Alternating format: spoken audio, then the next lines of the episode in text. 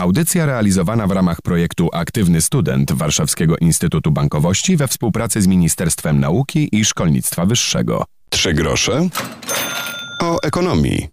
Studia w Polsce czy za granicą, a może i tu, i tu. Piotr Topuliński, dzień dobry.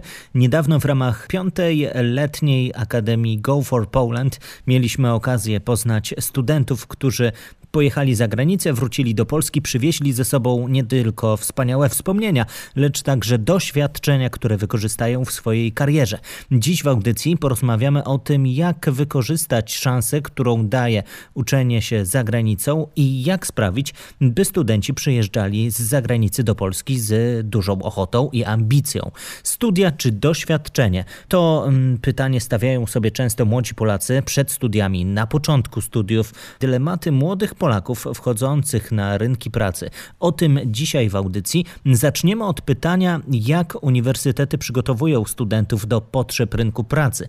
Szkoły wyższe starają się łączyć naukę z bieżącymi potrzebami rynku, ale nie jest to łatwe. Mówił podczas konferencji Go for Poland profesor Krzysztof Jajuga, prezes CFA Society Poland. Jeśli rynek pracy się zmienia, no to też uczelnie nie mogą się zmieniać tak, że nagle w następnym roku gwałtowna zmiana programów studiów, bo to byłoby niewiarygodne. To jest jedna rzecz. Z drugiej strony, no oczywiście chcemy też kształcić osoby tak, żeby one sobie dały radę w przyszłości. Ja swoim studentom mówię zawsze, że będziecie pięć razy w życiu, a może więcej, zmieniać swój zawód. Nie miejsce pracy, tylko po prostu zawód. No, różne są przyczyny, to wczoraj nawet trochę dyskutowaliśmy na ten temat. Oczywiście przyczyny są automatyzacji, ale nie tylko pewnie. Yy, mi się wydaje, że, że uniwersytety z jednej strony powinny dbać o ten dłuższy horyzont, ale z drugiej strony to są troszkę takie instytucje, które ja nie chcę powiedzieć, że one powinny iść śladem korporacji, no ale jednak yy, nie, my się musimy zmieniać w ten sam sposób, jak zmieniają się nasi klienci. Nasi klienci to są studenci. Nie tylko studenci, młode osoby, tak jak Państwo, ale coraz więcej mamy klientów innych, to znaczy to są na przykład osoby, które są w wieku 40-50 lat, no prostu, które muszą robić kształcenie ustawiczne. Także moim zdaniem takim modelem dla tych bardziej zaawansowanych uniwersytetów jest taki model, który ktoś tam nazwał modelem T. To znaczy z jednej strony ta, ta odnoga tego T to jest bardzo głęboka specjalizacja w pewnym obszarze, czyli czyli po prostu jakby uczenie do tych zawodów, które są bardzo zaawansowane. Na przykład dzisiaj, być może to jest data scientist, być może, pewnie przez jakiś czas. Ale z drugiej strony, ponieważ może się okazać, że ta ścieżka no, skończy się tym, że to będzie ślepa uliczka, to jest ta druga odnoga litery T, czyli szerokość. Czyli oprócz uczenia bardzo specjalistycznych rzeczy, myślę, że powinna być dostarczana w tych właśnie uniwersytetach akademickich ta wiedza ogólna.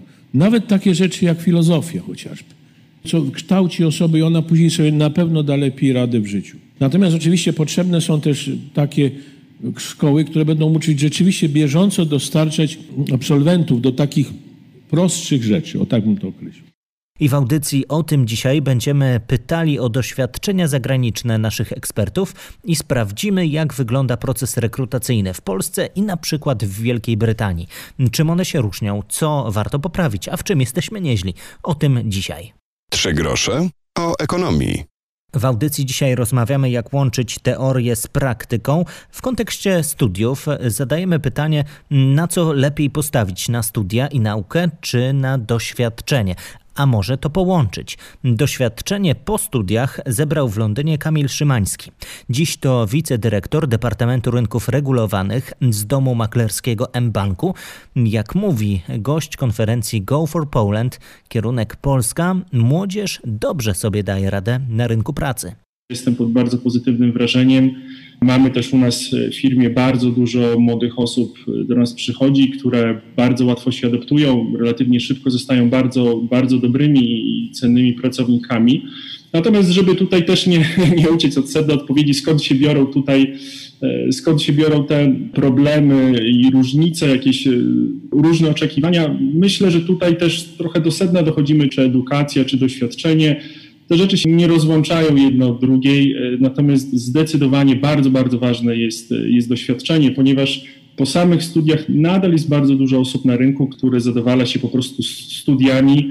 Po studiach jednak nie mamy tych kompetencji miękkich. Wszyscy już pewnie słyszeliśmy milion razy o tym, jak miękkie są, jak kompetencje miękkie są ważne, jak robią się e, coraz e, ważniejsze studia, nam tego najzwyczajniej w świecie nie dają. Jak przychodzimy, przechodzimy przez proces e, rekrutacyjny, pracodawca chce wiedzieć, jak się komunikujemy, jak pracujemy w zespole, jak radzimy sobie z niestandardowymi sytuacjami, czy zbyt łatwo się nie zniechęcamy. Studia takich rzeczy nie adresują, a, a to z kolei adresuje jakiekolwiek doświadczenie, cokolwiek, co robimy poza studiami. Idealnie mówimy o jakimś stażu y, jeszcze w konkretnym zawodzie, ale jeżeli nie jest to staż w konkretnym zawodzie, może być to praca, nie wiem, pół roku pracy na stacji benzynowej. Tak? Ktoś, ktoś miał taką pracę na studiach, musiał znaleźć się w jakiejś sytuacji, musiał współpracować z innymi. Jeżeli zapytamy go o to, że podał przykład jakiejś trudnej sytuacji, w której się znalazł, z którą sobie poradził, ta osoba będzie w stanie to powiedzieć. Zbierając doświadczenie, uczymy się też sporo o sobie. Czyli jeżeli idziemy na takie interwiu i mówimy, że w tym y, uważamy, że jesteśmy dobrzy, chcielibyśmy robić to, jesteśmy dużo bardziej wiarygodni, bo coś rzeczywiście robiliśmy, poznaliśmy się, te doświadczenie to jest ten, ten klej taki, który, który skleja te, te, te umiejętności, których dosta, które na studiach zdobyliśmy z oczekiwaniami pracodawcy. I, i, i, bardzo często y, nadal, chociaż ja myślę, że to się bardzo zmieniło na przestrzeni lat, przynajmniej od czasu, kiedy ja skończyłem studia, ale nadal jest to, y, jest to duży problem, ten rozdźwięk między tymi takimi twardymi, suchymi kompetencjami zdobywanymi na studiach, o które często nawet potencjalni pracodawcy nie pytają, bo uznają to za coś oczywistego, a rozdźwięk między tymi kompetencjami miękkimi, które niekoniecznie są przez wyższą edukację adresowane. Dlatego, co ważne, również podkreślamy w naszej audycji, ważne jest, by zbierać doświadczenia jak najwcześniej, staże, praktyki i potem już kierunek rynek pracy. By na rynku pracy się znaleźć, często trzeba przejść rozmowę kwalifikacyjną i za chwilę zapytamy o proces rekrutacyjny w Polsce i za granicą. Trzy grosze o ekonomii. W audycji dzisiaj rozmawiamy o doświadczenia młodych Polaków tuż przed wejściem na rynek pracy. Studia czy doświadczenie? To pytanie zadaliśmy podczas programu Twoja kariera, kierunek Polska, podczas konferencji wieńczącej letnią szkołę giełdową Giełdy Papierów Wartościowych i kampanii Go for Poland. Mówiliśmy już o tym, że uczelnie próbują łączyć teorię z praktyką. Wychodzi to różnie. Mówiliśmy też o ambicjach studentów, którzy niektórzy po studiach wyjeżdżają wyjeżdżają za granicę, by tam nałapać doświadczeń, a potem przyjeżdżają do kraju. Adelaide DiMaggio to laureatka czwartej odsłony Go for Poland. Miała ona okazję podczas pobytów w różnych krajach, a także podczas rozmów ze swoimi znajomymi przyjaciółmi sprawdzić, jak wygląda rekrutacja w Polsce i choćby w Wielkiej Brytanii. Czym się różni e, zatrudnianie młodych osób, co jest dobrego, a co warto poprawić, posłuchajmy.